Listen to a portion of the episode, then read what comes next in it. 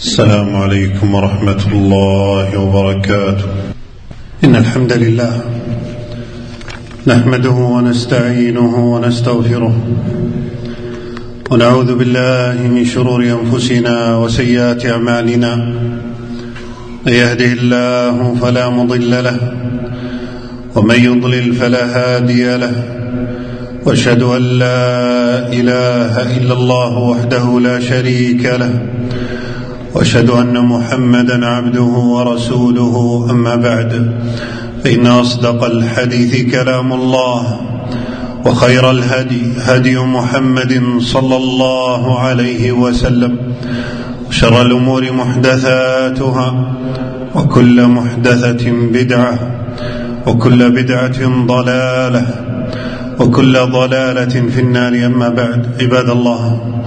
فإن من أعظم ما من الله به على هذه الأمة أن أنزل عليهم القرآن الكريم والكتاب المبين الذي فيه الهداية إلى كل خير والإرشاد إلى كل بر فهو كلام ربنا غير مخلوق هدى ورحمة للمتقين وشفاء لما في صدور المؤمنين. يا أيها الناس قد جاءتكم موعظة من ربكم وشفاء لما في الصدور وهدى ورحمة للمؤمنين. فيه نبأ ما كان قبلكم وخبر ما بعدكم وحكم ما بينكم والفصل ليس بالهزل من ابتغى الهدى في غيره أضله الله هو حبل الله المتين هو الذكر الحكيم والذي لا تزيغ به الأهواء ولا يشبع منه العلماء ولا يمل العبد من قراءته ولا تنقضي عجائبه من قال به صدق ومن عمل به أجر ومن حكم به عدل ومن دعا إليه هدي إلى صراط مستقيم. الله نزل أحسن الحديث. كتابا متشابها مثانية تقشعر منه جلود الذين يخشون ربهم ثم تلين جلودهم وقلوبهم إلى ذكر الله. ذلك هدى الله يهدي به من يشاء ومن يضلل الله فما له من هاد. عباد الله هذا القرآن الذي بين أيدينا هو آية ومعجزة ظاهرة ودلالة باهرة. وحجة قاهرة من وجوه متعددة. ولذلك تحدى الله عز وجل به العرب الخطباء والشعراء الفصحاء بل الإنس والجان على أن يأتوا بسورة من مثل هذا القرآن. أم يقولون افتراه؟ قل فاتوا بسورة مثله وادعوا من استطعتم من دون الله إن كنتم صادقين ولكنهم عن ذلك عاجزون ولو اجتمع الأولون والآخرون قل لئن اجتمعت الإنس والجن على أن يأتوا بمثل هذا القرآن لا يأتون بمثله ولو كان بعضهم لبعض ظهيرا عباد الله وإن من تمام فضل الله على عباده المؤمنين أن حفظ لهم هذا القرآن من أن تمسه أيدي التحريف أو التغيير والتبديل كما حرفت الكتب السابقة. فلا يمكن لأحد من شياطين الإنس والجن أن يزيد فيه حرفا إلا كشف ولا أن يحاول تحريفا إلا فضح وعرف. إنا نحن نزلنا الذكر وإنا له لحافظون. قال قتادة رحمه الله حفظه الله من أن يزيد فيه الشيطان باطلا أو أن ينقص منه حقا. فهو كتاب لا يمكن للباطل أن يأتيه ولا لعدو للدين أن يغيره. إن الذين كفروا بالذكر لما جاءهم وإنه لكتاب عزيز لا يأتيه الباطل من بين يديه ولا من خلفه تنزيل من حكيم حميد. قال الطبري رحمه الله لا يستطيع ذو باطل تغييره بكيده وتبديل شيء من معانيه عما هو به وذلك هو الإتيان من بين يديه ولا إلحاق ما ليس منه فيه وذلك إتيانه من خلفه. عباد الله واجب على كل مؤمن أن يحب هذا القرآن وأن يعمل بحلاله ويبتعد عن حرامه ويسير على حدوده ويجعله نورا يمشي به في الناس. وقد أثنى الله تعالى على أهله والعاملين به فقال الذين آتيناهم الكتاب يتلونه حق تلاوته أولئك يؤمنون به ومن يكفر به فأولئك هم الخاسرون. قال ابن مسعود رضي الله عنه والذي نفسي بيده إن حق تلاوته أن يحل حلاله ويحرم حرامه ويقرأه كما أنزله الله. لا يحرف الكلم عن مواضعه ولا يتأول منه شيئا على غير تأويله.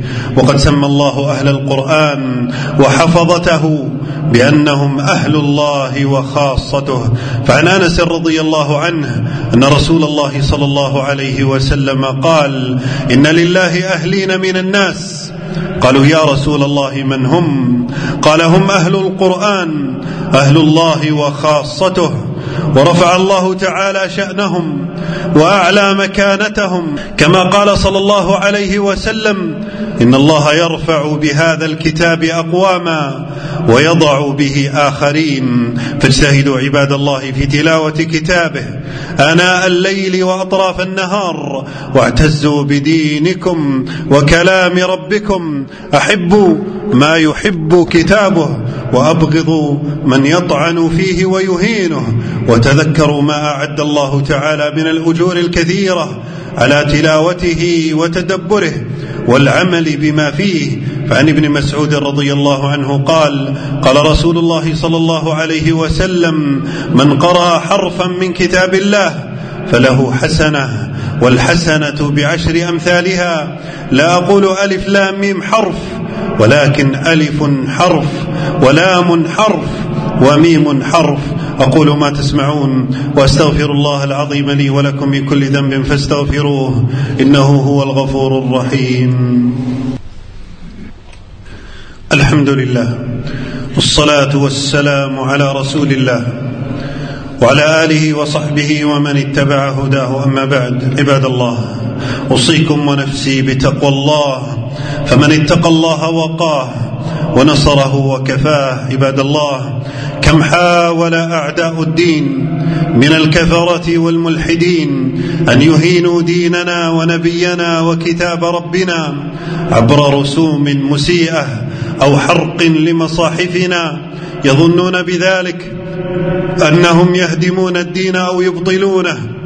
ولكن دين الله باق والإسلام في انتشار حتى في بلدانهم وكتابه محفوظ والعاقبة لأهل الإيمان والإسلام يريدون أن يطفئوا نور الله بأفواههم ويأبى الله إلا أن يتم نوره ولو كره الكافرون والذي أرسل رسوله بالهدى ودين الحق ليظهره على الدين كله ولو كره المشركون أفعالهم هذه لا شك أنها تنم عن حقد دفين وحسد مبين في قلوبهم على الإسلام والمسلمين فواجب على أهل الدين أن يحققوا أصل الولاء والبراء وأن يجعلوا الحب لله والبغض والبغض لأجل الله فالحب لدين الله ولله ولرسوله والبغض للكفار ولأعداء الله. قال تعالى لا تجد قوما يؤمنون بالله واليوم الآخر يوادون من حاد الله ورسوله. هذا هو أصل الولاء والبراء الذي لا يقوم التوحيد إلا به ولا يثبت الإسلام إلا عليه. فعن ابن عباس رضي الله عنهما قال قال رسول الله صلى الله عليه وسلم لأبي ذر رضي الله تعالى عنه أي عرى الإيمان أوثق؟ قال الله ورسوله أعلم. قال الموالاة في الله والمعاداة في الله والحب في الله والبغض في الله. هذا إبراهيم عليه السلام. قال الله تعالى عنه قد كانت لكم أسوة حسنة في إبراهيم والذين معه إذ قالوا لقومهم إنا براء منكم ومما تعبدون من دون الله كفرنا بكم وبدا بيننا وبينكم العداوة والبغضاء أبدا حتى تؤمنوا بالله وحده. وعلى هذا سار جميع الرسل والأنبياء والصحابة والأولياء متمسكين بأصل الولاء والبراء قال ابن عباس رضي الله عنهما من أحب في الله وأبغض في الله ووالى في الله وعادى في الله فإنما ينال ولاية الله بذلك ولن يجد عبد طعم الإيمان وإن كثرت صلاته وصومه حتى يكون كذلك وقد صارت عامة مؤاخاة الناس على أمر الدنيا وذلك لا يجدي على أهله شيئا. اللهم إنا نسألك العفو والعافية في الدنيا والآخرة. اللهم أعز دينك وعلي كلمتك. وانصر عبادك الموحدين. ربنا آتنا في الدنيا حسنة وفي الآخرة حسنة. وقنا عذاب النار. اللهم اغفر للمؤمنين والمؤمنات والمسلمين والمسلمات الأحياء منهم والأموات. ربنا تقبل منا إنك أنت السميع العليم. واغفر لنا إنك أنت الغفور الرحيم. وصلى الله وسلم وبارك على نبينا محمد.